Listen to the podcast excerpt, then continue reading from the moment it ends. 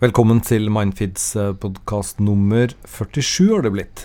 Uh, hei, Anne. Hei, Nils. Nå er det rett før uh, vi tar igjen alderen din. Uh, ja, det var hyggelig sagt. ja. Men eh, du har hatt en fin uke? Jeg har hatt en fin uke.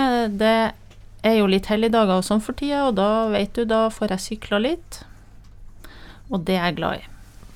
Så du sykla ikke 1. mai, håper jeg? Jeg gikk jo da i tog og sånne ting, som man skal. Du er jo samfunnsbevisst, men jeg sykla 1. mai.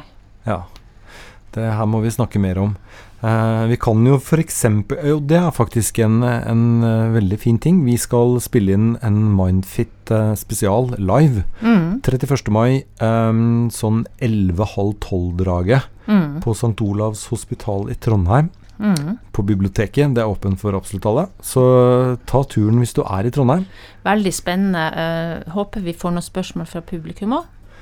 Ja, det, og det trenger jo ikke være sånne spørsmål som handler om en selv. Det kan jo være generelle spørsmål. uh, eller spørsmål om eh, venninner og tanter og onkler og osv. Ja. I dag har vi som vanlig to spørsmål. Mm. Skal vi begynne? Mm. Eh, Da leser jeg det første. Hei, jeg er en jente på 25 år og har i mange år slitt med depresjon og angst. Jeg har vært i samtale med psykiater de siste månedene og fått diagnosen schizoid personlighetsforstyrrelse. Jeg har lest litt om det på nett og har nå ikke mulighet til å tenke på noe annet. Jeg er per dags dato på venteliste hos psykiateren, da vedkommende anbefalte regelmessige samtaler for å kunne håndtere dette. Psykiateren regnet med minst seks måneders ventetid før vi kunne starte opp. Nå er jeg litt usikker på hva jeg skal gjøre, hvordan jeg skal kunne komme meg gjennom disse seks månedene, og hvordan jeg skal kunne leve livet mitt som vanlig når jeg faktisk har fått en diagnose jeg ikke kan slutte å lese om. Jeg vil bli frisk, men jeg klarer ikke å slutte med sammenligning av alt jeg gjør, alle tankene mine opp mot diagnosen som er stilt. Jeg stiller meg selv spørsmålet om det faktisk er mine egne tanker, eller om det er pga. bevissthet rundt diagnosen min. Alle de emosjonelle reaksjonene jeg har hatt på absolutt alt siden, har jeg tenkt at har en sammenheng med diagnosen. Og nå frykter jeg at bevisstheten min rundt sykdommen vil overta alt. Jeg har blitt veldig nedstemt av dette, og klarer ikke å fungere i nærheten av det lille jeg klarte før. Hva skal jeg gjøre? Uh, jeg tenker at uh, dette spørsmålet sier litt om uh, baksida av å få en diagnose, egentlig. Mm. Uh, og at det er liksom viktig å huske på her at diagnoser Du er ikke en diagnose. Altså en diagnose er jo et sett med beskrivelser av en person. Uh, og eh, jeg opplever at denne innsenderen på et vis har blitt denne diagnosen.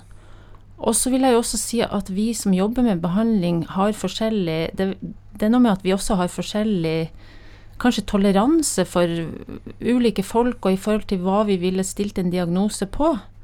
Eh, sånn at det er jo sånn at du kan faktisk også be om å få en second opinion av, av noen andre, og så Men, men la oss nå bare begynne med denne schizoid personlighetsforstyrrelse. Hva er det?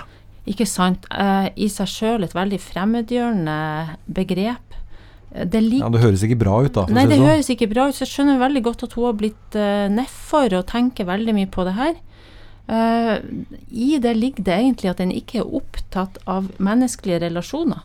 Og at en helst vil Altså at en blir veldig sosialt tilbaketrukket, sky, uh, har vanskelig for å sette ord på, på sine egne følelser.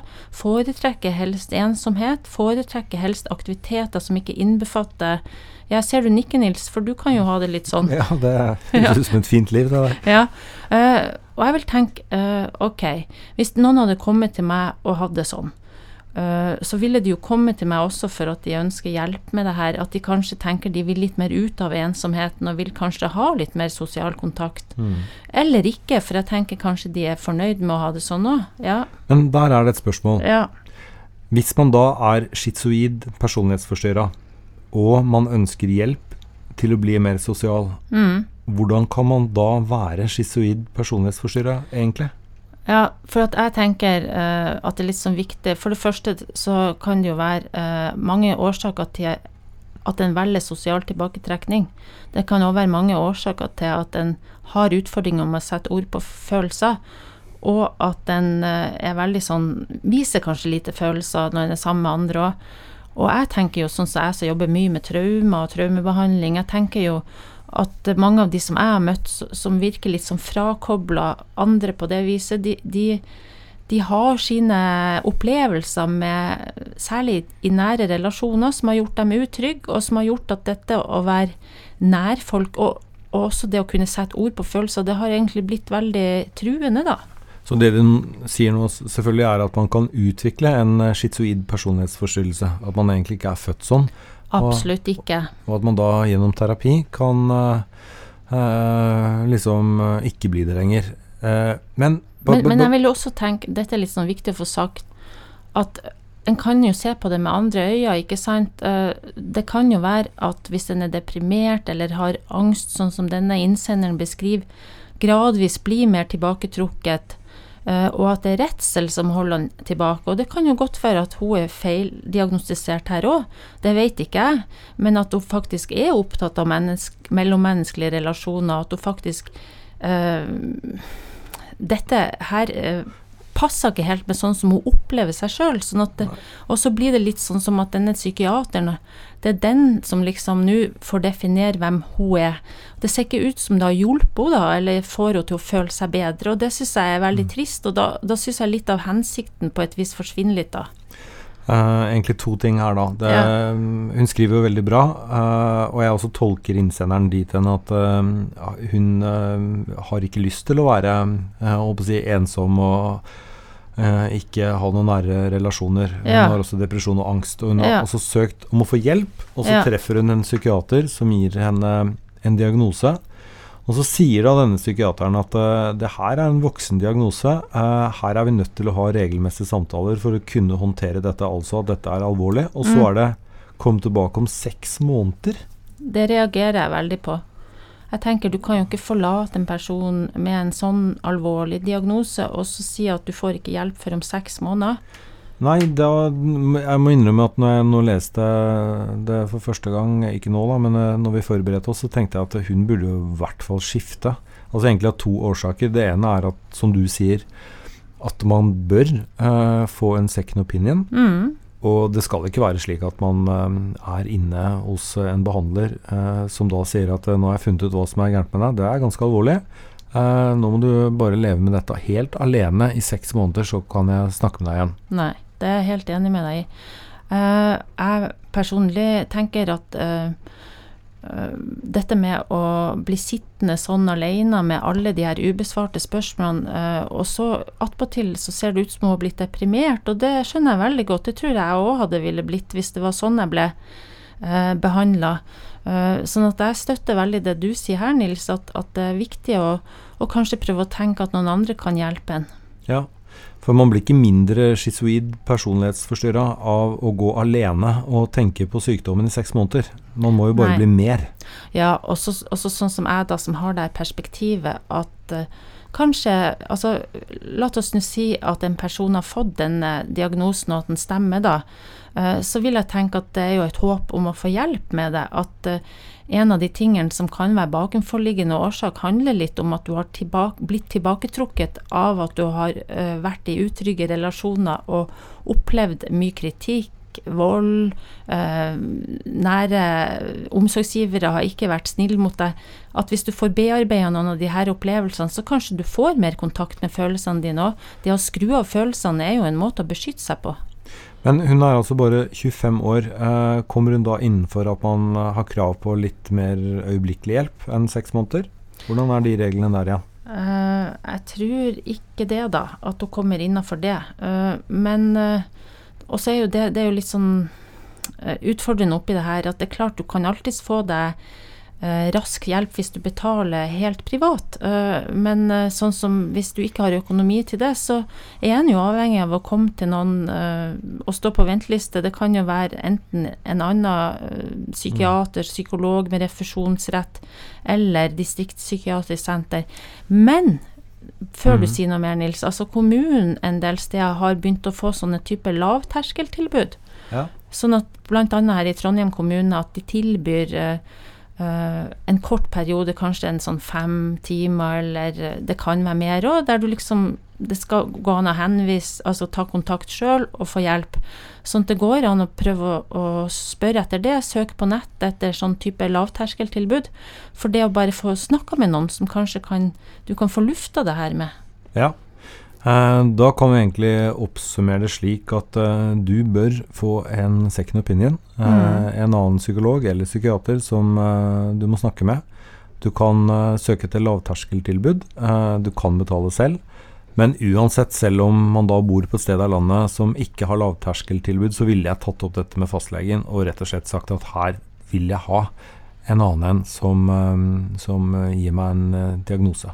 Jeg tror en skal være veldig forsiktig. Jeg sier jo ikke at eh, om det er feil eller galt, denne diagnosen som vedkommende har fått, så tenker jeg uansett at en skal være veldig forsiktig med å gi folk sånne diagnoser, for en må tenke litt på hva hjelper det dem det med? Og så må en også tenke litt på er de i en krise, eller er dette et mønster? Det skal ha vært stabilt trekk over mange år. eh, Det skal gi deg en funksjonssvikt på mange områder. Sånn at eh, jeg tenker terskelen for å sette en sånn diagnose til meg eh, er høy. og så dessverre vil jeg si at, at der er vi Altså dessverre, men jeg tenker den bør være høy. For at jeg syns ikke alltid folk får hjelp av en sånne type diagnoser. De føler det mer som et stigma. Og så tenker jeg at noen igjen kanskje ikke reflekterer over det sånn som jeg gjør, og så er terskelen for å sette sånne diagnoser litt lavere. En må spørre seg når en jobber med folk og skal, og skal hjelpe dem om disse diagnosene er til hjelp for denne personen eller ikke. Og nå skal vi ikke ta debatten på forskjellen mellom psykiater og psykolog. Eh, den, den kan vi ta senere. Nei, vi skal ikke ta det, fordi jeg tenker av all respekt så vet jo ikke vi hva som er bakenforliggende årsak for at denne psykiateren har satt denne diagnosen, og den kan jo også være riktig. Men eh, da kan du ikke slippe folk eh, ut av døra og si at de må komme tilbake om seks måneder. Det er uansett veldig viktig. Ja. Da går vi videre til eh, spørsmål nummer to. Ja. Jeg leser Hei, jeg er en kvinne på 37 som har levd med alvorlig kronisk sykdom i snart ni år og vært ufør de siste fire årene. Jeg har i tillegg en sønn som har autismediagnose, og dette tar mye tid i hverdagen med faste rutiner og ekstra oppfølging. Sykdommen gjør at jeg ikke kan delta på så mye sosialt utenfor huset, ikke kan gjøre dagligdagse ting som handle mat, gå på posten og til legen osv. alene. Jeg må kjøres overalt og ha følge av mannen min eller en av foreldrene mine. Dette gjør at jeg føler meg veldig uselvstendig. Inni meg er, jeg jo, er jeg jo en 37-åring som har behov for å greie ting selv, dra på jobb og ha et sosialt nettverk utenfor hjemmet. Dette er veldig frustrerende for meg og er en stor sorg. Jeg har ingen psykisk diagnose og har nok opplevd mer sorgreaksjoner ved å bli syk i så ung alder enn å få depresjon av det. Jeg syntes selv jeg er god på å finne lyspunkter i denne tilværelsen som jeg ikke vet hvor lenge vil vare, men i det siste syntes jeg at alt har blitt tyngre enn før. Hele livet mitt tærer på meg, det er ingen fristeder for sykdommen, og det handler bare om å holde ut. Det er vanskeligere nå enn før å finne glede i det jeg får til. Jeg synes uansett eh, det er altfor lite i forhold til hva jeg skulle ønske jeg kunne fått til hvis jeg var frisk. Jeg blir frustrert istedenfor å klappe meg selv på skulderen over det jeg greier. Jeg plages tidvis med søvnen og det å finne ro fordi det føles som om jeg har et svart dragsug inni brystkassen som sakte fyller hele meg og alle tankene mine. Jeg har begynt å tenke på hva er vitsen med å stå opp, hva er vitsen med å stå opp og videre? Jeg føler meg fanget i egen kropp og i livet slik det er nå. Uansett hva jeg gjør, så blir jeg ikke friskere eller greier mer. Så det jeg lurer på, er om er dette vanlig sorgreaksjon når man blir alvorlig syk, eller om det kan være en begynnende depresjon. Parentes, jeg har ingen behandling for sykdommen, unntatt god kontakt med fastlegen min. Ja, øh, jeg vil tenke at denne innsenderen beskriver jo øh, en del belastninger som har vært der over lang tid, og har jo havna utenfor arbeidslivet pga. kronisk sykdom. Og så har hun også en sønn som har eh, utfordringer. Mhm. Og så syns jeg det ser ut som hun har stått veldig på for å hjelpe, hjelpe han da, og være der for ungene sine. Jeg har fått noe i halsen, skjønner du. Ja, men det, det må ut, det. Det får egentlig være en, en trening på når man skal uh, gå live. Ja, det har, pleier jo ikke å skje, men plutselig bare svikta stemmen her. Men det var, var ganske trist å lese. Ja, jeg syns det, fordi uh, Før du henne. Hun sier noe om at hun har eh, Hun lurer jo litt på om dette begynner å bli litt depressivt og ikke bare en sorg. Uh, til det vil jeg svare ja, kanskje. Mm. Uh, fordi uh, jeg kjenner igjen litt noe av det depressive. Altså det at en begynner å få veldig sånn negative tanker om seg sjøl. at jeg får ikke til noe, jeg duger ikke. Søvn, at det går utover det. Energien er lavere. En mister litt sånn gleden over ting som før har gleda en. Og dette er jo depressive tegn. Mm. Uh, og, og da tenker jeg at, at uh, denne kroniske sykdommen som hun har, uh, den er jo Altså, det er folk som kommer til meg som har kroniske sykdommer, og det kan være godt å få noen å snakke med allikevel, for at det handler jo litt om å lære seg å takle den type kronisk sykdom. Eh, og så handler det jo om å få hjelp til å snu litt den negative tankegangen og få det om seg sjøl, da. Ja, og så særlig det jeg bet meg merke i, var liksom at eh, at man også plages med søvnen, og det, det er som et svart dragsug inni brystkassen Ja. som sakte fyller hele meg og alle tankene mine. Høres og, ut litt sånn depressivt ut. Og at man da har begynt uh, å tenke hva er egentlig vitsen med å stå opp? Mm. Så tenker jeg at uh, derfor, siden denne uh, innsenderen har god kontakt med fastlegen sin, så vil jeg gå dit og drøfte det. Ja, helt klart. Men eh, en, en, en sånn depresjon altså det, det er jo selvfølgelig, vil du si, helt umulig å stille noe som minner om en diagnose basert på en, et innsendt uh, Ja. vitnesbyrd. Men allikevel så, så er det ting der som eh, egentlig kan tyde på en depresjon eller en, en begynnende depresjon. Mm. Hvordan er det man behandler det? Eh, en av de tingene jeg har lyst til å slå Vi har jo snakka mye om, om dette med negative tanker om seg sjøl, som er litt av det som opprettholdes i en depressiv tilstand. da. Eh, så i denne forbindelse har jeg lyst til å ta opp noe som heter selvmedfølelse. Mm For dette tror jeg passer litt til denne innsenderen. For en av de tingene som, som skjer når folk er nedfor, eller sånn som hodet kan jo være en sorgreaksjon òg, det, det at de liksom begynner å, å høre litt mer på den indre kritikeren, da. Eh, De gir den indre kritikeren for stor plass. Sånn at det handler litt om en sånn holdningsendring til seg sjøl. Og jeg tenker eh, det å prøve å ha en litt mer sånn vennligere tone inn til seg sjøl. Sånn at det, det som jeg tenker på her, er at en må behandle seg sjøl sånn som en ville behandle en venn. Så et godt spørsmål er jo hvordan en ville behandle en venn. Og kanskje akkurat nå for denne innsenderen så er det en litt sånn vanskelig periode, og da er det noe med å anerkjenne det. Altså gi en slags anerkjennelse inn til seg sjøl på at ja, det er vanskelig nå. Men Veldig mange krangler litt mot seg sjøl. De liksom tenker at nei, jeg har ikke lov å ha det sånn, jeg burde vært takknemlig, eller hvorfor har jeg det sånn? Og så, og så blir det litt manglende toleranse for at en ikke har det bra, da.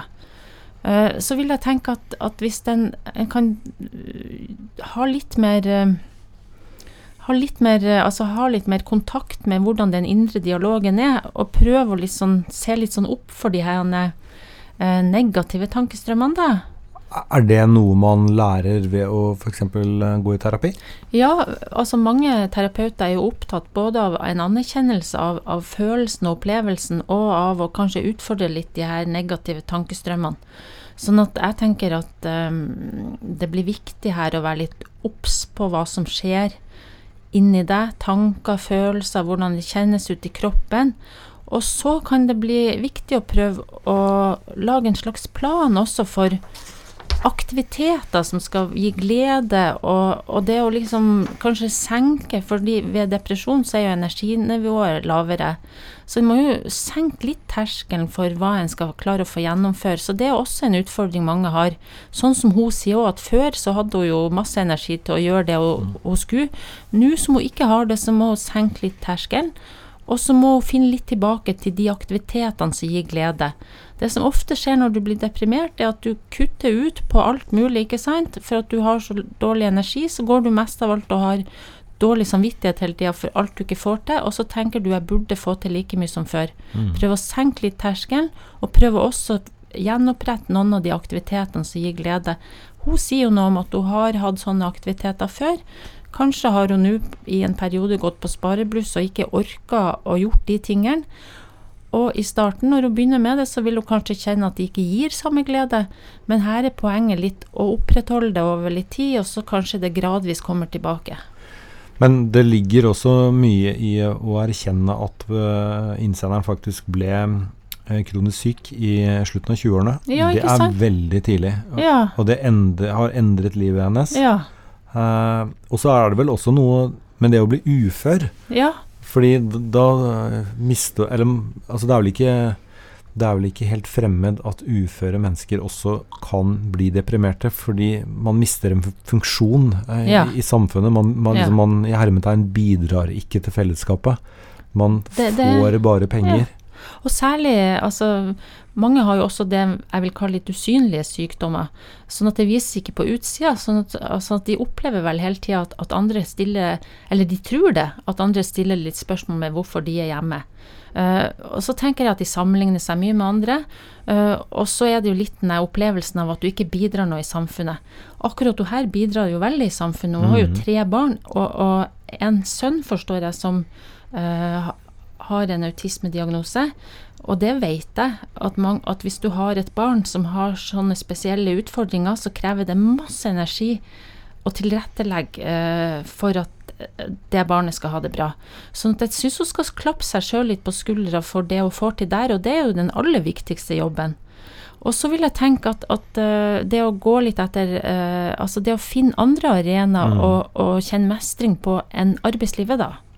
Altså Det kan jo være hun har noen andre talenter, at det kan være noe annet hun kan engasjere seg i, der hun kjenner at, at hun eh, gjør noe meningsfullt. -hmm. Jeg er litt usikker på om hun har tre barn, men, men i hvert fall eh, én ja, sønn. Da. Men, men det å finne andre arenaer eh, hvor man på en måte kan ha en, eh, en, en misjon, da. Eh, det, det går jo, men her er det høna og egget. Eh, Mm. Altså For å kunne klare det, så må hun ut av eh, det mørket Ja, eh, ja. som nå omslutter Ja. henne. Og da har hun veldig god kontakt med fastlegen sin. Ja. Og en fin start er rett og slett å si det du har skrevet til oss. Og denne fastlegen vil da hjelpe deg videre. Vi kan vel egentlig si at eh, det var et svar på det spørsmålet. eh, Og, og bare si igjen tusen takk for alle som sender inn. Vi er, vi er veldig takknemlige. Og Så håper vi at eh, vi bidrar lite grann. Og så eh, høres vi vel igjen før vi da skal eh, Ja. spille inn eh, live for første gang. ja. Og denne podkasten her var da en trening på det, hvor eh, både briller datt ned og Stemmen min svikta. Ikke noe forkjølelse, egentlig. Nei. Også, Du har helt rett, det er ikke sikkert du har tre barn. Jeg vet ikke hvor jeg tok det fra, altså, Nils. Nei det, Så bra at du er våken, da. Ja, jeg er våken på det der. Ja. Men uh, igjen, det samme som vi sa til, til forrige, hun er også veldig velartikulert. Ja. Så det bør jo Jeg mener at det er håp her. Snakk med fastlegen din. ja. Helt enig. Da ønsker vi alle riktig gode uker til vi høres igjen. Ha det bra. Ha det.